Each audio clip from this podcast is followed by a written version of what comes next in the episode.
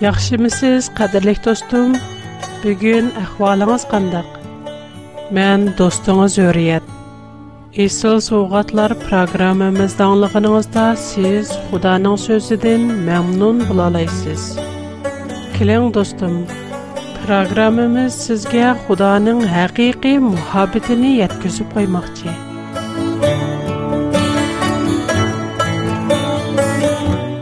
Bugünkü söhbət temimiz pal, çüş və cin. Turmuşumuzda nurg'ulg'an kishilar palğa tushga ishindu. Yana yəni ba'zi kishilar mushu dunyoda jin bor deb qaraydi. Navoda biror kishi o'lib ketgan ota-onasi, urug'-tuqqanlari va tunish bilishlarni tushaksa, ular qattiq hayajonlanib, ата анамның туқалларымның рухи маңа сөзләп атыды деп ойлайды. Буронларда берәр кеше агырык сылақ булып калса, яки берәр нәрсәсен йөттүрүп койса, дәрхал кеселенә бахши яки прихонларга күрсәтте. Палчылардан ярдәм теләп йөттүрүп койган нәрсәсенең издирекне кылатты. Hozirmo cho'ng shaharlar avod rastlarda palchilarning pal bo'qib o'ltirganligini ko'rgil bo'ldi. Nurg'ulg'an tashna ko'zlar palchilarning oldiga berib o'zining taqdirini bilish ko'rinadi. Palchilarning pal bo'qishimi ajoyib qiziqarliq. Ko'p qatdim cho'ng ko'chalarda palchilarning pal bo'qib o'ltirganligini ko'rdim. Onun ətrafı oğalaşqan kişilər hədə palçının sözgə başlanışdatdı. Yenə qalç üstü palçıqən, rast tapdı, nəq üzüşü, deyəndə mədiyə sözlərini yaqdıratdı. Bəlkəm köpçilik dostlarım, palbəqşinin nədimi xətir bulsun, baxşı pırxınları görünüşünün qançlik xətir bulmaqçı edəb oylışı mümkün. Əlbəttə, bunların əmisi naiti xətərlik. hal baktırış, pal içiş, bakışı pırkın oynaş hemisi günah. Müqəddəs kitab Təvrat, Zəbur, İncildə pal içişinin günah ikənligi.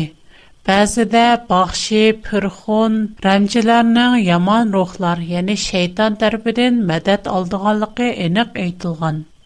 Qur'an-Kərimdə mə pal içiş çəklənən. 5-ci surə Maidə 3-cü ayət. Әзлам белән пал сөйлешчәңнәр харам bu Бу гунахтур.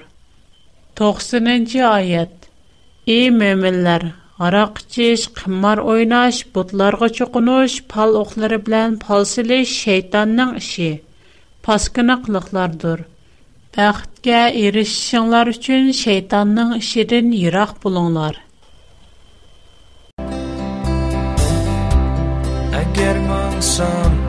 o'limga yaqinman qo'rqmayman hiç yomonlikdan Çünkü sen rabbim mening bilan hayotlik yo'lim sen ekan optimist Hoda Rabbim sen ey san Gençlerin mukaddes Tüvəndə nim üçün pal baxdırış, rəmçiyi görünüşdən xətərlik ikənligini müqəddəs kitab Tavratdakı mono xatırlardan görüb baxaylı. Саулның рәмчи хутынга мөрәҗәт кылганлыгы. Узын үтмәй филистилар кошынны җигеп, Исраилларга каршы җан кылды. Самуил вапат булган иде. Исраиллар уныңга матәм тутып, йөртти Рамамага дәпнә кылды.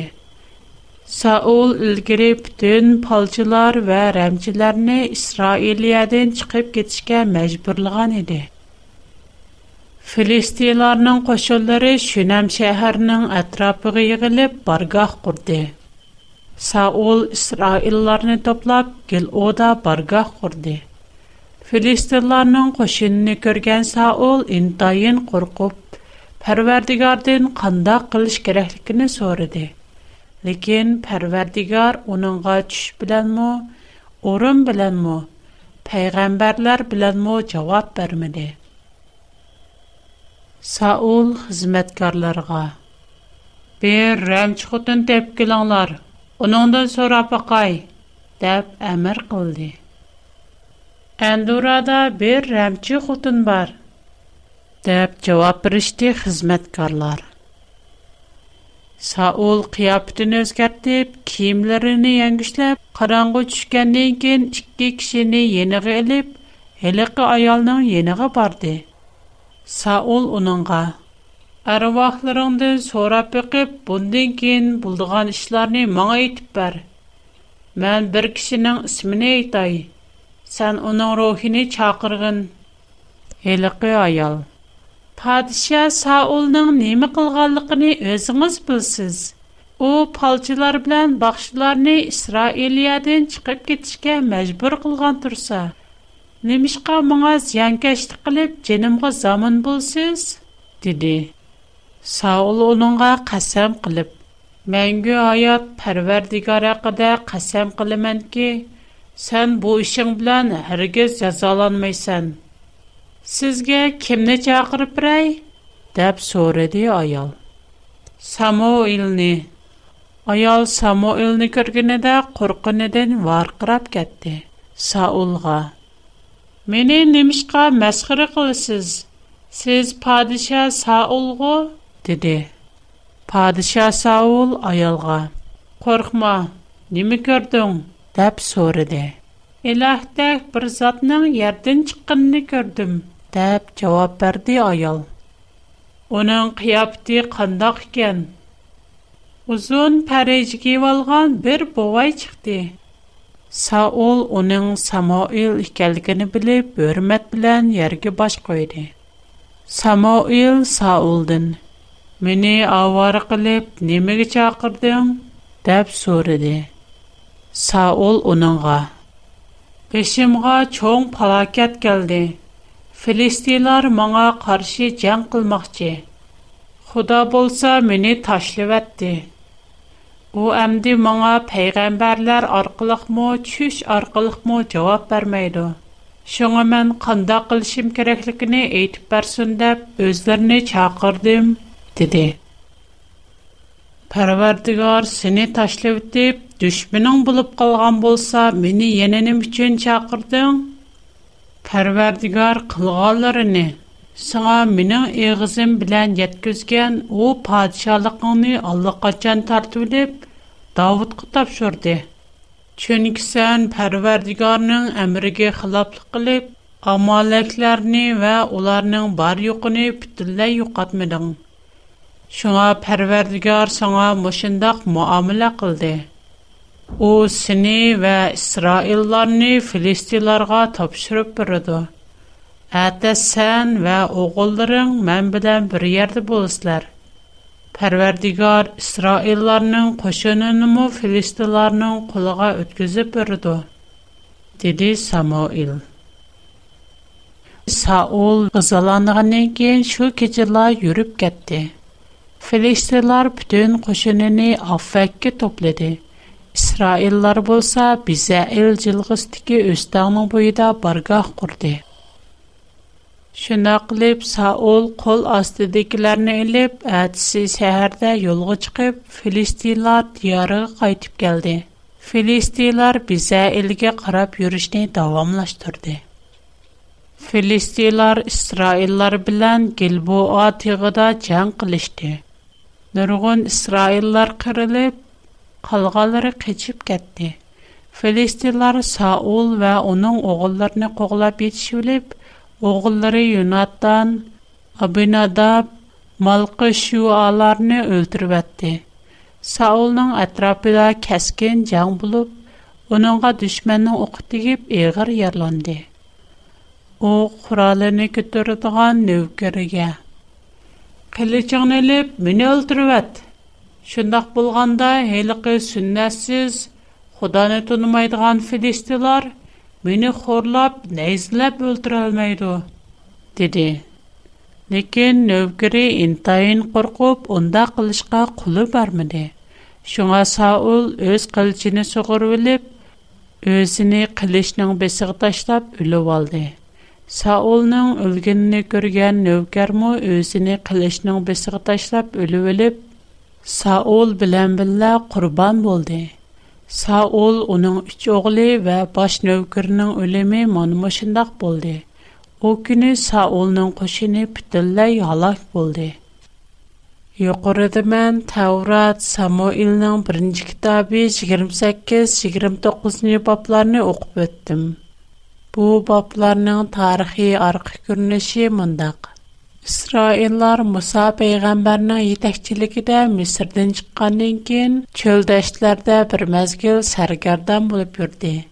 Musa peyğəmbər ölüb getgəndən kən onun yardımçısı Yaşu peyğəmbər Xudanın yetəkçiligində ətrafdakı yerlərdən zimin ikənlədi. O çağlarda İsraillərinin padişahı yox olub, ular təxi birlik gələn dövlət emas idi. Худа шәхсән үзе уларга пәйгамбәрләр яки үзе танлаган кешеләр аркылы бевасита итәкчелек кылатты.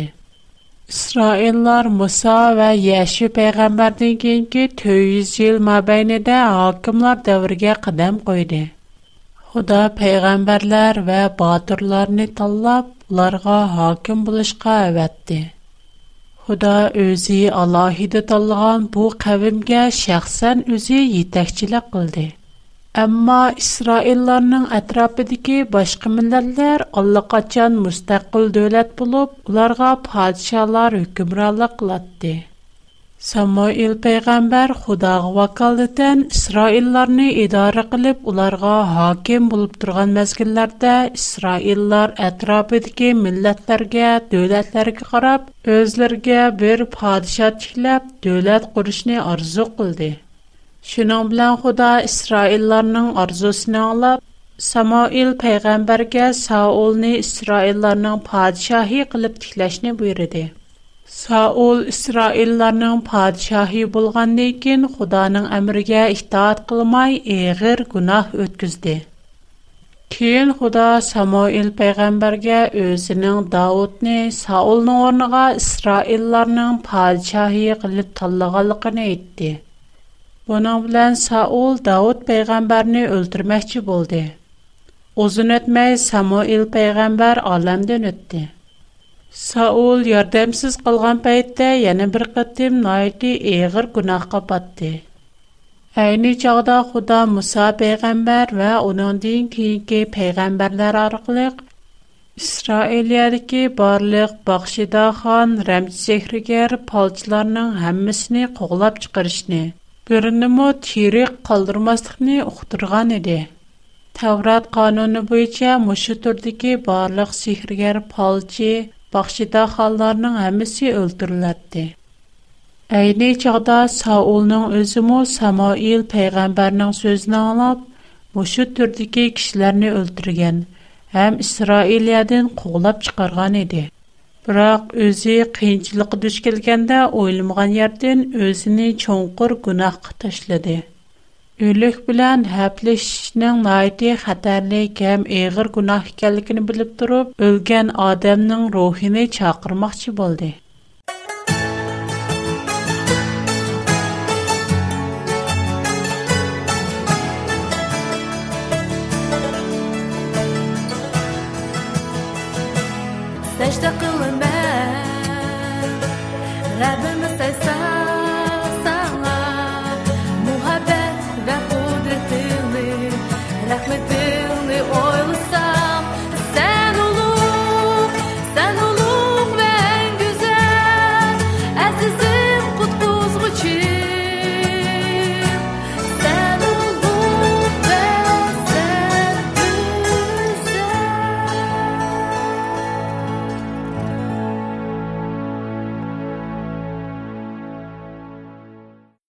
Мен бұрын қадірлік достырым білән адам өлгенлеген топуға айлынып кетілғалықыны, рухның асла мәвчуд әмәсілікіні, адам өліші білалла тәпәккүр, есіят, біліш, иқтидар қатарлық әмін әрсінің үйқылып, тінех яки нәпәсінің худаға қайтылғалықы яқыда сөхбәтлішіп өткен едім. Бүгінгі сөхбітіміздімі бұл нұқтыны ене тәкіліп өтімін. Mən vay oxub ötən hekayədə həliqi rəmçi ayal Samuel peyğəmbərinin ruhini çağırdı. Bu zadi qandaq iş. Ölgəndən kin ruh mövcud bolmasa, o ruh zadi nədən gəldi? Yana ruhun sözünün doğruluğu Saulun ölümü bilan isbatlandı. Köplügən kişilər bu dünyada cinnin mövcudluğuna işindi. Bəzi kişilər hətta özlərinin xali yerlərdə tənha, yalğız turğan vaxtlarda qaranğuda cinə yoluqqanlığını, cinni körgənligini etişidu. Cin toğurluq paran bolğanda kişilər daim cinni, vəhşi, bədbəşirə, sərt, kürümsüz, nəyiti qorxunçlu qılıb təsvirləydi. Turmuşumuzda cin toğurluq hekayələr az emas. Бұның ішіде кішіні қорқыныш тұсалдыған кішілерге әң тұныштық болған екайланың бірі қызыл өтікнің екайысы болыс керек. Ондақта джин деген неме? Джин қандақ пайда болған? Біз қоқыдыған әм ағыз-ағызымызды яман сөзіні қылдыған джин әмілетті шайтан ва оның пәріштілері дұр. Әмілет үліклер Faqat şeytan ularning chiniga kirib, ularning rolida, ularning siyaqida bizga so'zlaydi, bizni ozdirdi. Buni qandoq bilamiz? Muqaddas kitob Tavrat, Yashaya kitobi 8-bob 19-oyat. Ba'zilar sizlarga palchi va sehrgarlarga murojaat qilishinglar. Яни ашу гыдын ва вечерлеган авыз белән сүпкәшлегәннәрнең сөзиге кулак сәлчәңләр кирәк, диде. Уларга мондак таңлар: "Бәндә özенең пәрвәрдигары Худага мураҗәгать кылмай, кандак мо терихләр үликларга мураҗәгать кылсын. Димәк, пальчи ва сиһригәрләрнең кылганлары интайын хата." Чөнки улар шайтан һәм уның ярдәмчеләргә таянган. Мошаят буенча безгә мөҗизе күрсәтеп, үлгәннәрнең кыяптыдә безгә сөз кылган дәл шайтан ва шайтанның ярдәмчеләре. Чөнки мөхәддәс китап Таврот Сулайманның пәнди нәсиәтләре 9-нчы баб 5-нчы 6-нчы аят. Үлеп кеткәннәр ularga yana inom yo'qdir ular butunlay unutilib ketadi ularning muhabbat nafrat va hasratlarimi o'zlari bilan birga o'ladi degan musha oyat bo'yicha bo'lganda o'liklar hech nima qilolmaydi ularda yana hech qanday qobiliyat yo'q Шуңа палчы sehrgarlardan kelgan мөҗизләрнең hammasi amaliyotda shaytondan kelgan İncil Vəhilər 16-cı bab 14-cü ayət.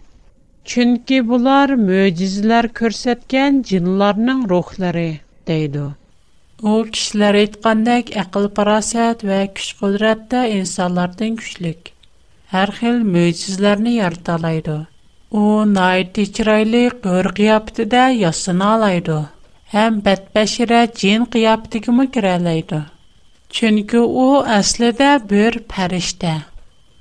Əgər biz müqəddəs kitabqa qaraydigan bolsaq, şeytanın əslində nəhayəti qabiliyyətlik, farasətlik və çiraylıq fərishtə ikənligini görə alaymiz.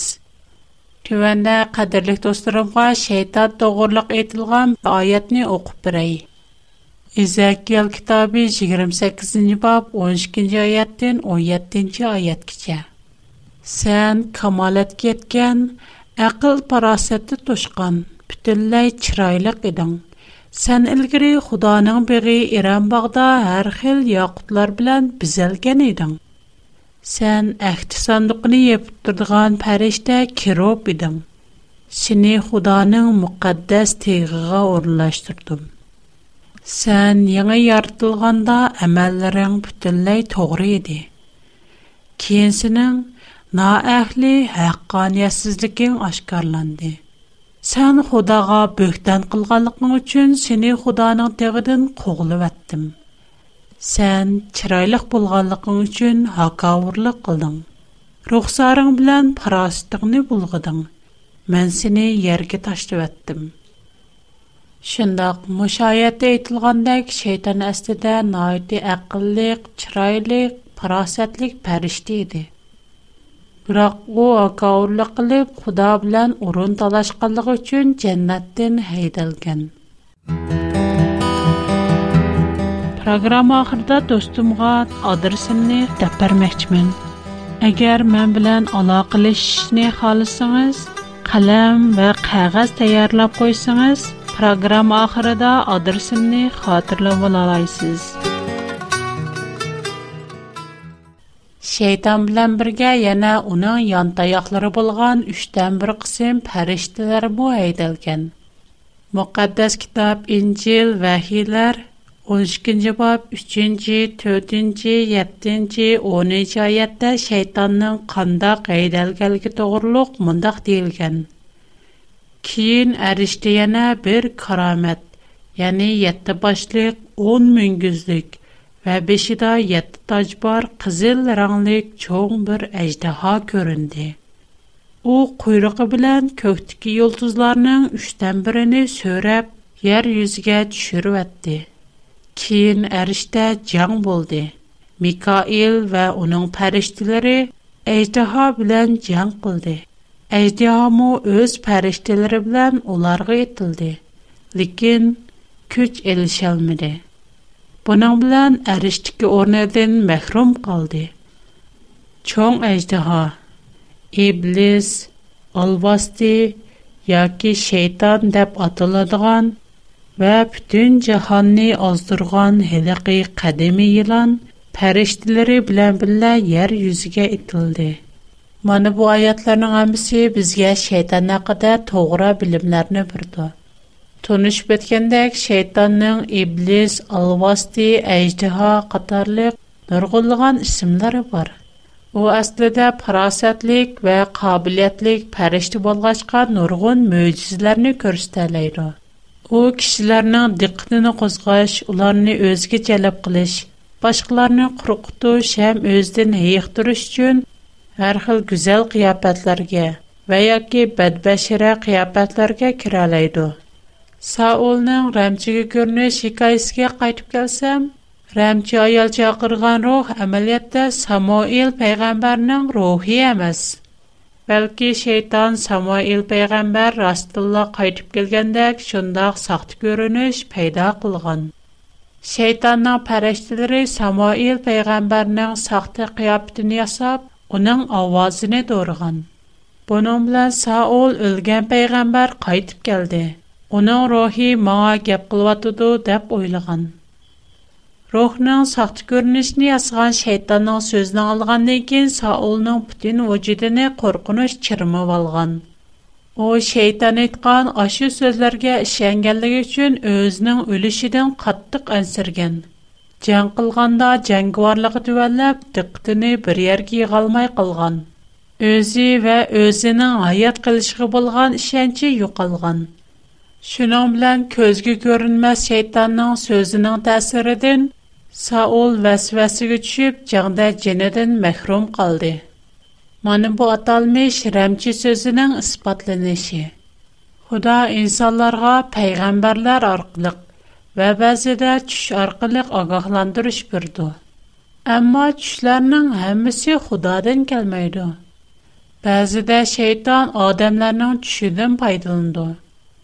У бәз иде чүемизгә киреп үлеп кеткән урух тукканнар. Туныш билешләребезнең хиябетә киреп безгә сүз кылса, яңа бәз иде коркунычлык ва вахимлек көринешләрне пайда кылып безне сырасымыга салды. Шуңа күп алларда чүк кешенешме, хөдди фалсызлык, бахшы көринешкә охшаш, Şeytan və onun pərishtələri hər xil, hər türlük saxta görünüşlərini meydana qılıb insanlara xiyali duyğu bürdü.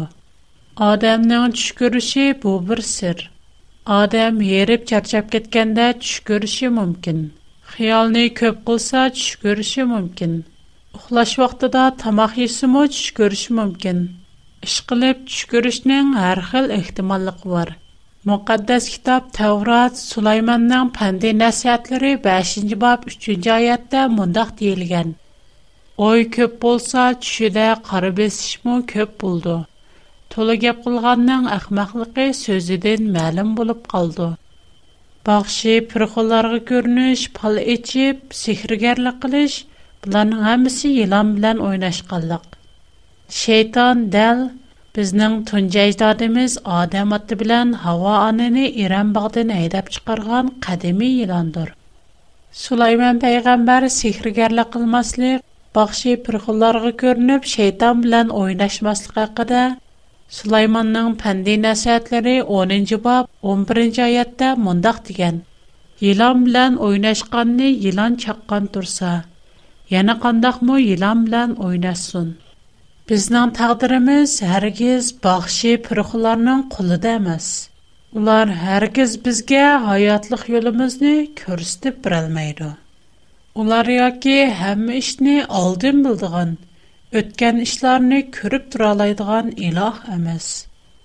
Faqat shayton mushundaq kishilardan foydalanib, insonlarni eziqtirdi. Sehrgar daholar ko'rsatgan mo'jizalarning hammasi shaytondan kelgan. Навады біз уларның алдығы беріп, улардың ярдам тілісек, худди өз хаятымызни шайтанның қулығы тапшырғанға баравар. Худаның бихир шепқтыла бізге хағи-иғи хаят ёлымызни көрістіп бұрду. Таврат, Изякиял китаби, 33 баб, 11-жы айад. Парвердіңар худа мундах дайду. Мен рәзилләрнең үлешен яхшы күрмәймен. Фақат рәзил кешеләрнең яман юлдан кайтып яшәшен яхшы күрмәм. Шуннак Худа найты михрибан вә шәфкатьлек. У сезне һәм мине Шинондек дөньядагы һәр бер инсанны яхшы күрде. Хәтта палчи дахан бахшыларны яхшы күрде. Фақат улар үз юлдан кайтып Rəzillikini taşlab, şeytanğa həmtayaq bulmasa. Xudanın yoluğa qaysa, günahığa tövbə qılsa, mehriban və adil Xuda onlara keçirim birələydi. Çünki o aləmdəki ən uluq, ən şəfqətlik, mehriban, ən əpucan və kənqursa Xuda emasmı? Qadirlik dostum, Әгәр сез пикеремне тогры тапсаңыз, Құданың сізнің аятыңызды қылған барлык елтіпатларыни аслап бігің. Оның сізгі қылған барлык елтіпатларыни бір-бірлеп санап чығсыңыз, Құданың михер шепкатли характерыни хақиғи ес қылалайсыз. Қадырлих, тосту, келар қатим сізнің програмамызни яна зиярат қылып келешаңызни Сезнең хатыңызны тапшырып үлеш минең хушаллыгым. Минең тор адресым hurriyet@bigfoot.com. Минең хат адресым a w r p o box 310. Минең хәнзичә хат адресым Шангаң Южин Зонджи 310 номер. Хош, Худага аманат. Кайт көрүшкүчө аман болуң.